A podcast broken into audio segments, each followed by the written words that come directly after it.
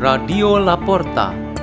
The door is open for you for the growing of knowledge and wisdom of God.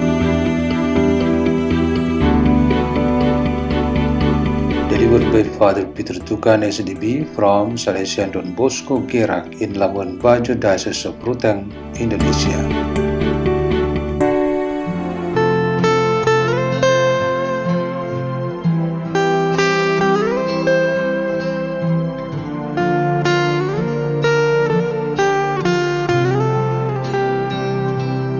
Reading and meditation on the Word of God on Friday of the 23rd week in Ordinary Time, September 15, 2023. Memorial of Our Lady of Sorrows.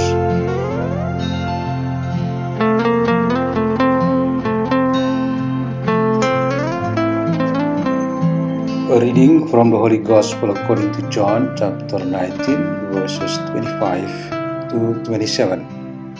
Standing by the cross of Jesus were his mother and his mother's sister Mary, the wife of Clopas, and Mary Magdalene. When Jesus saw his mother and the disciple there whom he loved, he said to his mother, Woman, behold your son. Then he said to the disciple, Behold your mother. And from that hour the disciple took her into his home. The Gospel of the Lord.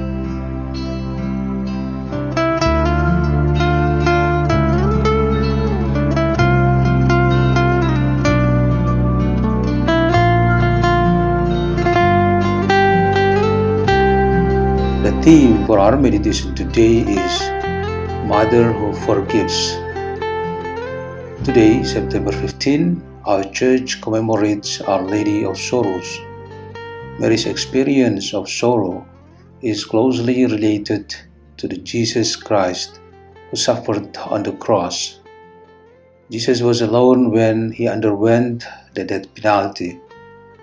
The apostles abandoned him except his mother and the disciple he loved so much, John. Mary, the mother of Jesus, and three other women were near the foot of the cross. At the foot of the cross, Mary experienced the peak of grief, namely the death of the son she had conceived and given birth to. Long before, when the baby Jesus was presented in the temple, Simeon had predicted that Mary would experience a terrible suffering. A sword would pierce her soul. Furthermore, she truly lived her life by suffering with Jesus until the end at Calvary. Many see Mary a martyr in spirit, but Mary did not lose and give up with that sorrow and loss because her faith and hope were supported by faith in God and love for her Son. A proof of her strong faith, Mother Mary, in communion with her Son, forgave the same quality as that expressed by Jesus from the cross. Father, forgive them, for they do not know what they are doing. From the cross, Jesus also mandated his mother to adopt all his followers throughout the ages represented by the beloved disciple. So Mary obeyed the duty of accepting everyone, including those who condemned Jesus to death, with their sins, so that they were forgiven, relieved, and brought back to the truth. Until now, Mother Mary, in her union with Jesus Christ, is still sad when she sees Jesus' disciples fall into sin and tries hard to free themselves from the grip of sin. Their actions clearly brought suffering and pain to the body of Christ, namely the church was tarnished. If some members of the church sin and do evil things, it will greatly affect other members. But more than being sad and grieving, Our Lady from her forgiving heart asked Jesus Christ to forgive and convert them part of the Hail Mary prayer, Pray for us sinners is the most obvious expression of how Our Lady forgives us. Thinking about the grieving Mother Mary, should immediately make us aware that we should not continue to make her drown in sorrow because of our sins.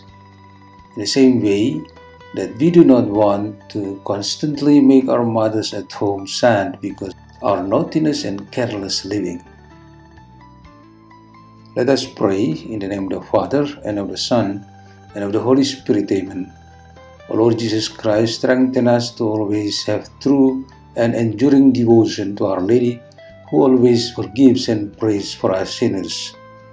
Hail Mary, full of grace, the Lord is with thee. Blessed art thou among women, and blessed the fruit of thy womb, Jesus.